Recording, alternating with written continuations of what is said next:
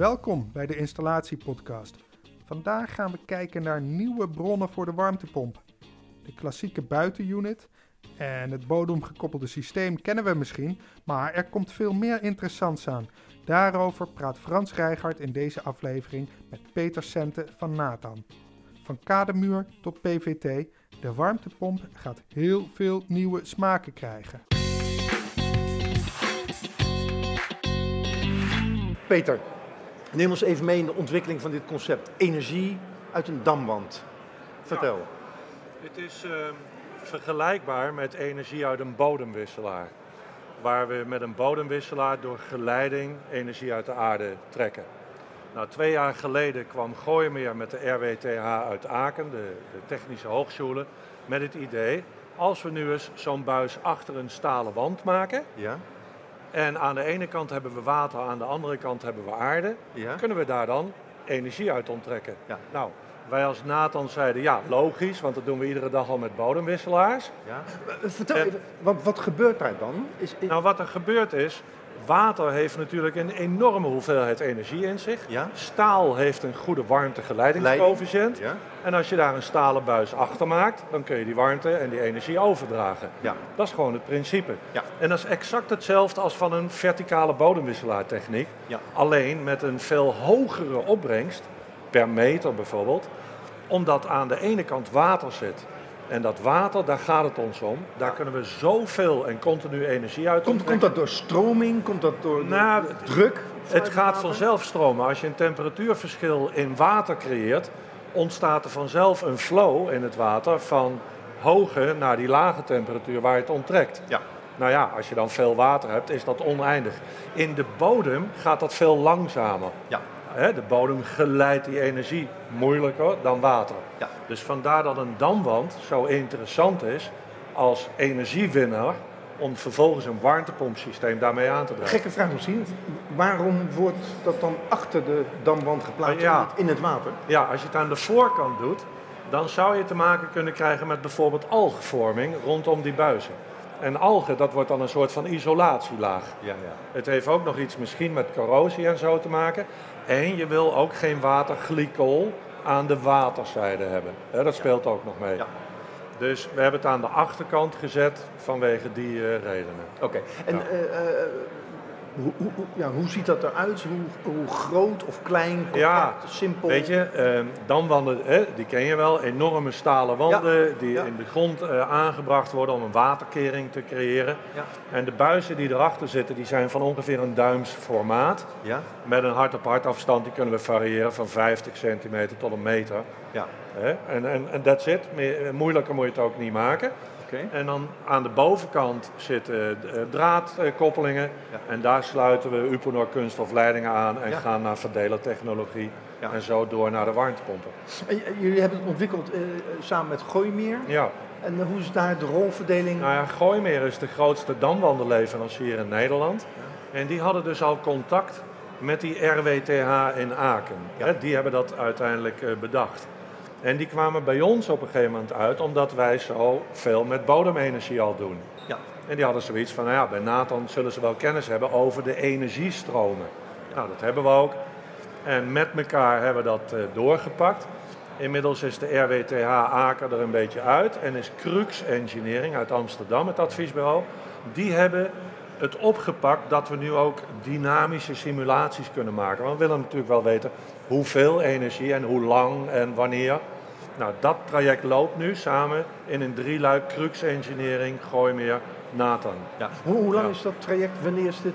eh, Ja, dat, dat- we zijn een heel eind. En eh, ik denk dat we nog een half jaar tot een jaar bezig zijn met diverse proefprojecten, metingen uit te voeren. Of dat die kon, eh, overeenkomen met de simulaties. Ja. Nou ja, dan, eh, dan kunnen we ook echt grote projecten definitief aanpakken. ja. Maar hoe lang zijn jullie hier al mee bezig? We zijn nu een goede twee jaar eh, bezig. Oké, en ik proef uit je woorden dat het, het, het, het is nog in ontwikkelingsstadium. Maar Ja, nou, de, de technologie van het aanbrengen niet. Maar waar het wel in zit, want dat is onontgonnen gebied, is hoeveel energie kunnen we nu continu onttrekken of wanneer. Ja, nou ja, als je een gebouw aangaat en je zegt ik heb 400 kilowatt verwarmingsvermogen nodig, dan wil je wel een systeem, een bronsysteem daarbij ontwikkelen wat ook klopt. Ja. Die rekensom moet kloppen. Nou, dat is de fase waarin we zitten. Dus de modellering, de energetische modellering. Ja. De technologie, die is klaar. Die is klaar. En eh, even in de toekomst kijken. Stel nou dat het, jullie straks gaan meten en bewijs leveren dat het zelfs boven verwachting Ja. eh, eh, energie opwekt. Dan is het rol, Ja. uitrolpotentieel in Nederland met al dat Ja. water, maar ook Dan, over dan, de hele wereld. Is dan, dan krijgt een damwand een, een, een tweede functie.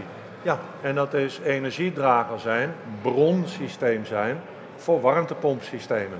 ja, Nou, zo zijn we in Enkhuizen begonnen, Ja. die jachthaven. Die moest een nieuwe damwand hebben. En eh, die, die, die hadden daarvan gehoord. En zo zijn we met dat proefproject als eerste project in Nederland begonnen. ja. Nieuwe damwand geslagen, eh, het systeem Met aangebracht. techniek met deze techniek. Meten, weten. En, eh, daar hebben jullie al metingen gedaan. Ja, ja. Kun je daar ooit iets over zeggen? Wat dat, ja, wat je, je, je ziet dat de energieopbrengst enorm hoog is. Die kan het vijfvoudige zijn van bodemwisselaartechniek. Omdat die energiestroom door dat water, dat gaat zo goed. En we hebben zo oneindig veel energie beschikbaar door dat water. En je doet het gelijkmatig over een grote oppervlakte, want dat speelt ook nog mee. ja. Ja, dat het zoveel potentieel heeft natuurlijk als brontechnologie. Ja. Nou, nou ben jij als Nathan, eh, eh, eh, jij werkt bij je daarbij betrokken. Ja. Dus dan bedrijven hebben doorgaans dan de neiging om dit soort dingen mooier te maken dan het is. Ik doe even een beroep op jou als, als een, nuchter professional. Ja. Wat- is realistisch om van deze techniek te verwachten? Alle hebben we hiermee goud in handen? Nou, het is lokaal toepasbaar daar waar je een damwand plaatst. ja, eh, dat is gewoon dat is wat al het de is. eerste. Alleen Nederland is het land ter wereld, dat is mij verteld door Gooimeer, waar de meeste damwanden geplaatst worden ter wereld. Ja. En hoe vaak worden En- die vervangen? Ver- Want dat is nooit. natuurlijk het moment. Ja, nee, nee. Niet, niet, niet. Die Dus, dingen. dus, dus eh, Enkhuizen, daar speelt de vervanging. Nou, dat is het moment om dan ook deze techniek eh, toe te passen. Eh, eh, daar waar damwanden niet aan Ja, nieuwbouw. We hebben nog een project in Friesland in Leeuwarden, Swetterhuis heet dat. Daar is een nieuwbouwkantoor gebouwd. Dat draait ook gedeeltelijk op damwanden. Dus eh, overal waar damwanden geplaatst worden, zou je kunnen zeggen, zet er ook stalen buizen achter. En je hebt je bronenergie te pakken. hoe, hoe complex, hoe duur, hoe tijdrovend is het om bij damwanden, zonder dat die Ja, verplaatst worden, dit toe te voegen? Niet, hè, Gewoon die- de grond inboren? Nee, die stalen buizen die worden al op de fabrieken van de damwanden eraan gemaakt. Dan worden die damwanden geplaatst. Ja. En vervolgens worden kunststof buizen aangesloten in het horizontale vlak door het terrein Ja, heen. maar dat, dat snap ik. Ja. Dat, dat is in de productiefase. Ja. Maar daar waar nu damwanden zijn, die nog Nee, niet daar, af... daar, daar kom je niet onder of achter. Precies. Dus, dus we hebben het o- overal op Je plekken over nieuwbouw en vervanging. Ja. Maar denk aan een stad als Amsterdam. Ja. De grachten, waar damwanden geplaatst moeten worden of verzakking aan de hand is. Ja. Als je dat slim doet, kun je gelijk de huizen en de winkels en wat daar ook aan zit, van brontechnologie voorzien Ja. met warmtepompen. Merk je dat die interesse... Ja, die interesse is enorm, Ja.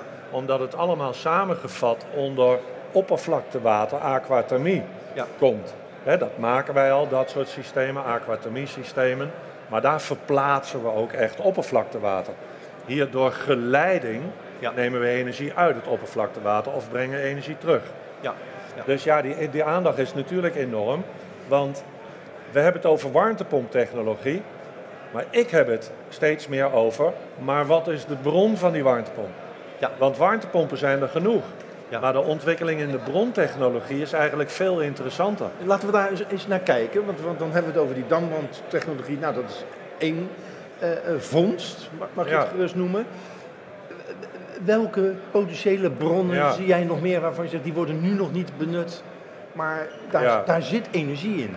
Nou, bodemenergie is op dat gebied nummer één. Want bodemenergie geeft de mogelijkheid om collectiviteit te creëren. Wat bedoel je Kijk, nou, wat ik daarmee bedoel is, je ziet hier op de beurs, alle stands staan vol met split units en luchtwaterwarmtepompen. is helemaal goed, hè? Maar dat zijn allemaal individuele benaderingen van een verwarmingsinstallatie. Mhm. Nou, om heel Nederland vol te zetten met split units, hè, wij noemen dat ook wel happy Hongkong installaties, Mhm. ehm, dat wordt hem natuurlijk niet. Bodemenergie, Waarom wordt hem dat niet? geluid, Ja. dat is één. Maar twee ook, het, het visuele aspect daarvan. verschrikkelijk. Het is, het is gruwelijk, Ja. gruwelijk. Laten we eerlijk zijn. Ja. En dan moeten we allerlei eh, kunst- en vliegwerk gaan uitoefenen om ze te verbergen. Dan zijn we dubbel aan het investeren. Ja. Niks tegen de technologie, wij doen het ook. Maar het heeft geen opschaalmogelijkheden. Nee. Of je moet zeggen, ik vind dat best dat overal die dingen tegen de gevel aan hangen. Nou, de- ik denk niet dat het dat wordt. Nee. Bodemenergie is de bronvoorziening van een warmtepomp. Net zoals dat aardgas de bronvoorziening is van een cv-ketel. Ja. En wel 80% van de energie moet uit die bodem komen en 20% uit het elektronetwerk. Gaan, moeten we dan overal in Nederland gaan boren? Ja, of restwarmte, oppervlakte, warmte. Daar horen damwanden bij, daar hoort eh, oppervlakte bij. WKO kan bijna overal in Nederland. Maar waar ik het eigenlijk over heb, is de grootschaligheid daarvan. Het is op te schalen. Ja. En je kunt het transporteren. Dat doen we al in grote projecten. Ja. En vervolgens met kleine warmtepompen ter plekke verwarmen of koelen of tapwater maken. En dat is een visie, onze strategische visie. Dat we zeggen aan de ene kant hebben we die individualiteit van de warmtepomp. Mhm. De luchtwater, de bodemwarmtepomp. Maar in de transitie gaan we het daar niet mee redden. Om de Dus opschaling mogelijk te maken, zullen we bronenergie moeten creëren. Dat transporteren naar individuele, compacte warmtepompen. Ja. ja. Om En jij zet je geld in op... nou, wij zetten heel groot in aan de ene kant op die, want die is er ook. Maar aan de andere kant zetten we nog veel harder in op die collectiviteit. Vijfde generatie heating en cooling networks. Ja. Begrijp je? Waar we het nu hebben over stadsverwarming, zou je dat ook kunnen vertalen van ja, de distributietemperatuur moet omlaag. En dan kunnen we veel meer energiebronnen inzetten en die is ook vrij voorhanden. ja. Nou, dat. Ja. En daar kan een damwand ook een onderdeel van zijn. Hè? Dus het kan individueel zijn voor gebouwen die daar rondomheen staan. Maar het kan ook een onderdeel worden van een netwerk. Ja. En zo zien wij het toch. Als wij de energietransitie in Nederland op gang willen krijgen, dan gaat dat niet met allemaal individuele systeempjes. Omdat het gassysteem ook een collectief systeem is. Ja. En het elektro. Ja. En dus die brontechnologie, dat houdt ons bezig om die in een collectieve vorm op te schalen. Gaat het nieuws wat we gisteren hebben gehoord eh, van minister De Jonge, dat, dat vanaf 2026 of in 2026 ehm, elke eh, cv-ketelvervanging eh, gepaard moet gaan met een hybride vorm? Ja, Dit- dat- dat, heeft dat, dat- nog impact? Dat heeft zeker impact. En eh, dat gaat ook helpen. Maar ik begrijp, en dan praat ik als professional niet, waarom je niet, net zoals Denemarken zegt, als je een cv-ketel vervangt, komt er geen gas meer in. Want we willen toch van het gas af. Ja. In de nieuwbouw is dat al. En nu blijven we eigenlijk met een aanmoddersysteem in hybride hangen. Omdat die mensen, als je die ketel moet vervangen, moet je ook een nieuwe ketel kopen. Ja. Nou, die wil je toch wel weer 15 jaar hebben hangen. Ja. Dus dan zeg ik van, hoe ga je dan met dat gasthema om? Ik vind hem, hij is mooi, dus heel, maar het is niet ambitieus genoeg. Omdat er andere landen zijn in Europa, die geven het voorbeeld en die zeggen, we gaan gewoon van het gas af. Ja. En er komt geen vervanging voor een gasketel met een gasketel. Ja. Begrijp je? Zou, zou het een tussenstap kunnen zijn? Het is, een, het is een tussenstap, maar hij is niet radicaal genoeg. Mag wat jou betreft brutaler? En waarom zit het? En daar kom je. De energietransitie is een infrastructuurvraagstuk. Niet een ketel of een warmtepomp. Begrijp je? Ja. En wij zeggen, en daar zit onze strategie, die infrastructuur die moeten we opnieuw maken. En daar kan water een onderdeel van zijn. Dat kennen we nu als stadsverwarming. want Ja. Dat is te hoog in eh, energieniveau en temperatuur. Breng het omlaag. In de nieuwbouw doen we niet anders. Hè. Bij grote woonwijken pompen we 12 graden water rond en klaar. Ja. En, ieder- en dat kan ook in de bestaande bouw. En daar hoort ook die warmtepompontwikkeling bij. Die laten we nu zien. Compacte warmtepompen die op dat soort netwerken kunnen draaien. Ja, je zegt dat kan ook in bestaande bouw, maar ik kan me voorstellen dat je in bestaande bouw. Kijk, bij nieuwbouw kun je eh, en de isolatie en allerlei Ja. andere aspecten die gepaard gaan met, met eh, optimaal gebruik van warmtepomptechniek, kun je inrichten. In bestaande bouw is, is de impact van het implementeren van warmtepomptechniek natuurlijk veel groter. Omdat Ja. huizen slechter geïsoleerd zijn. Ja, maar, maar we moeten, en daar kom je weer, we hebben een infrastructuur in Nederland, wat is het, 95% aardgas verzorgd of meer. De vraagstelling is alleen maar, gaan we nou van die infrastructuur af of niet? gaan we nou van het gas af of niet? Blijven we nou half... gisteren horen praten over groen gas. Ja, Ik denk, nou, nou, dat zal wel door dezelfde dat is nog, leiding. dat is nog niet uitgevonden, dat groen gas. hè? Maar elektriciteit is er wel en genoeg. Ja. En omgevingsenergie is er ook genoeg, want die elektriciteit ontstaat ook uit omgevingsenergie. Ja. Als je nou eens zo doordenkt, dan kom je op een punt uit dat je zegt, we hebben twee vraagstukken. De infrastructuur elektriciteit, Ja. dat vraagstuk loopt. Daar zijn we aan het versnellen. Ja. Maar voor die verwarmingstechnologie hebben we wel een bron nodig om een warmtepomp te kunnen laten werken. Ja. Dat is nou eenmaal zo. Bij een luchtwaterwarmtepomp is dat lucht, maar bij andere systemen hebben we iets anders nodig. En dat is het punt. Je moet naar die infrastructuur gaan kijken in die energietransitie als je echt van gas af wil. Ja. Of je blijft En- op nou ja, hybride hangen, en dan blijf je eeuwig aan gas hangen. En Ja. groen gas en zo, het zal allemaal. Ik heb het nog niet gezien. Nee. Nou, ja, Elektriciteit, duurzaam is er genoeg. Ja. Die is er zat. Maar dat moet ook opgewekt worden. Eh, Jazeker. En door een warmtepomp in te zetten, kun je daarmee in de bestaande bouw, bouw met een SPF van 3, 4, soms kunnen we naar 5 als die woningen goed geïsoleerd zijn, heb ik gewoon veel minder elektriciteit nodig, omdat die bronenergie de rest doet. Ja. En als je het goed doet, is dat 70 tot 80 procent van de hoeveelheid energie. Ja. Begrijp je? En dan heb ik niet zoveel elektra nodig. Want anders zou je kunnen zeggen, ik ga 100% elektrisch verwarmen. Ja. Nou, dan moet ik drie, vier keer meer elektriciteit maken. Dat is niet handig. Ja. Maar het nieuws dat we gisteren hebben gehoord, eh geeft je aan dat, dat dat geeft een impuls aan warmtepomp. Absoluut. Technologie, Absoluut. dat al nodig was. Want Absoluut. we zien dat natuurlijk al enorm eh, Nou, stijgen. voor de bestaande bouw is het wel een uitspraak. Hè? Ja, ja, Alleen het is een halve uitspraak. Omdat je toch aan dat... Je moet twee apparaten kopen dan. ja. Vergeet dat niet, hè? Die men, je, wat de uitspraak is, je gaat een ketel vervangen. En dan kun je het laagste niveau een ketel kopen met een warmtepomp. Ja. Maar dan blijf je aan dat Nou, maar je kunt natuurlijk ook best kiezen voor eh, eh, niet een hybride vorm. En ik denk dat dat in die tijd, over, wat hebben we het over vijf jaar, ook de keuze zal worden.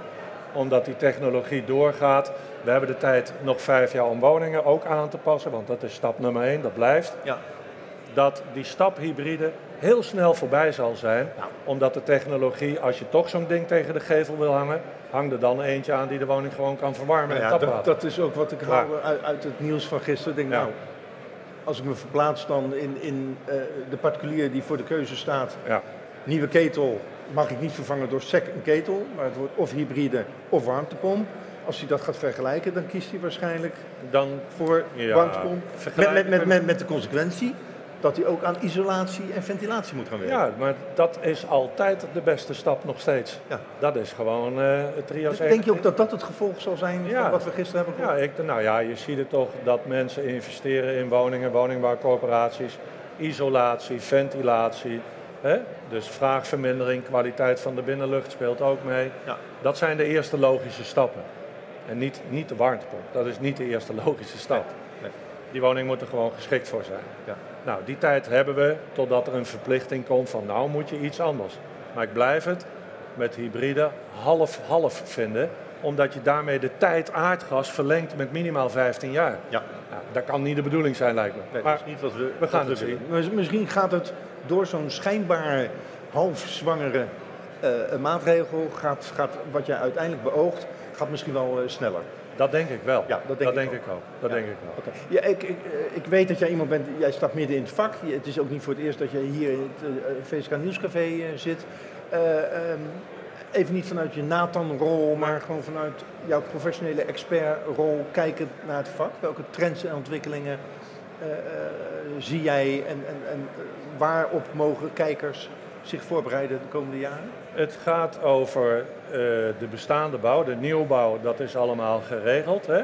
Qua, qua het vakgebied waar ik me mee bezig Ja. ben, verwarmen, koelen, dat soort dingen. Het gaat over die bestaande bouw. Eh, en daar Dat is de grootste uitdaging. dat is de grootste uitdaging. En daar is de grootste uitdaging bij wie leg ik de kosten van de transitie. En als je dat doordenkt, dan kom je op de infrastructuur uit. Ja. Het apparaat kun je subsidiëren, Ja. Maar het zit hem in de infrastructuur. Ja. Daar zit de grootste uitdaging nu. Apparaten zijn er genoeg.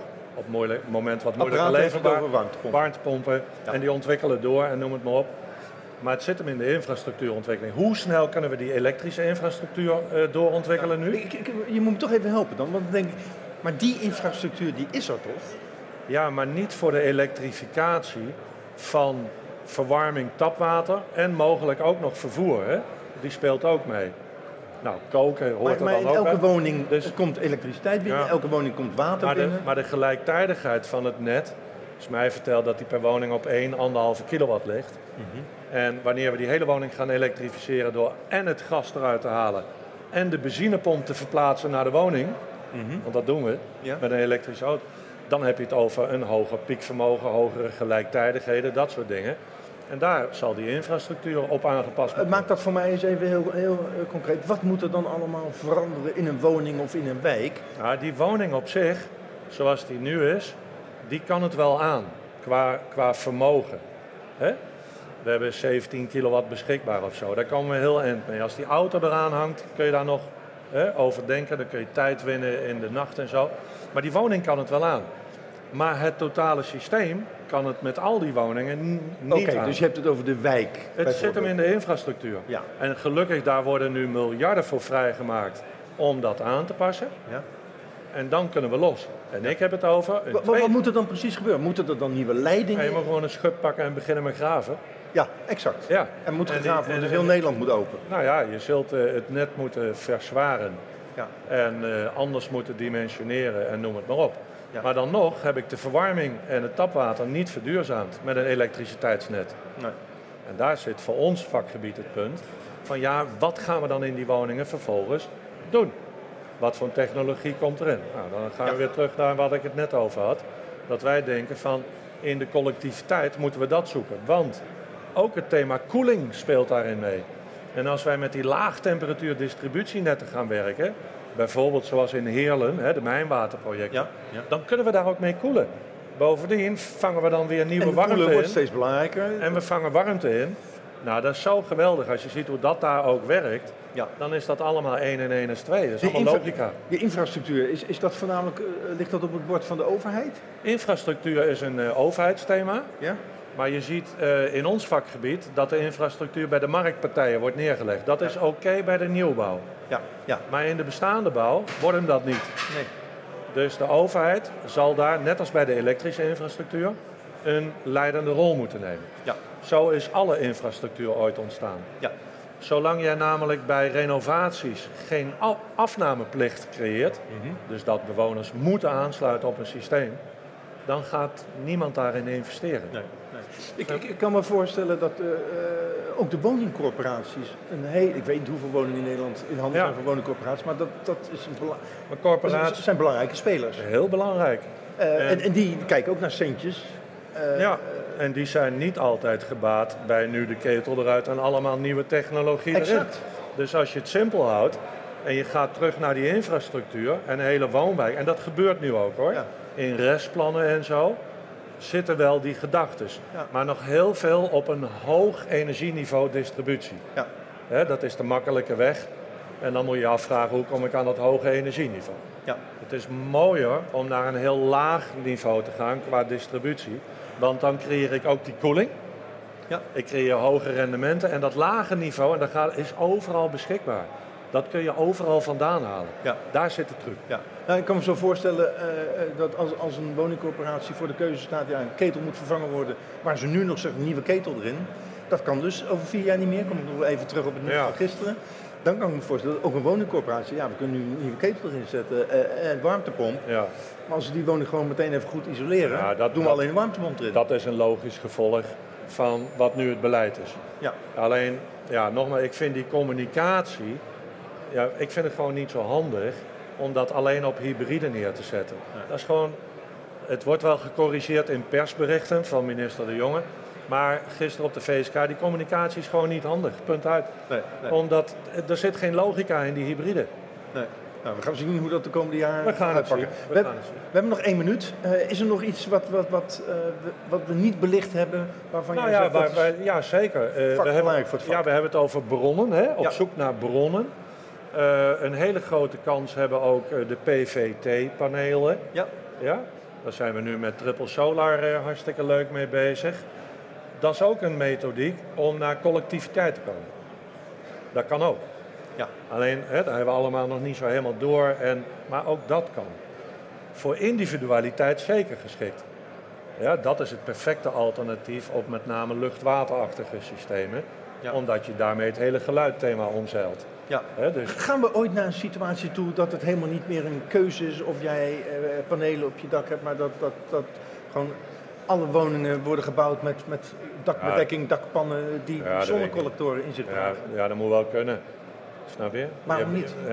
Waarom niet? In de nieuwbouw is dat al een beetje.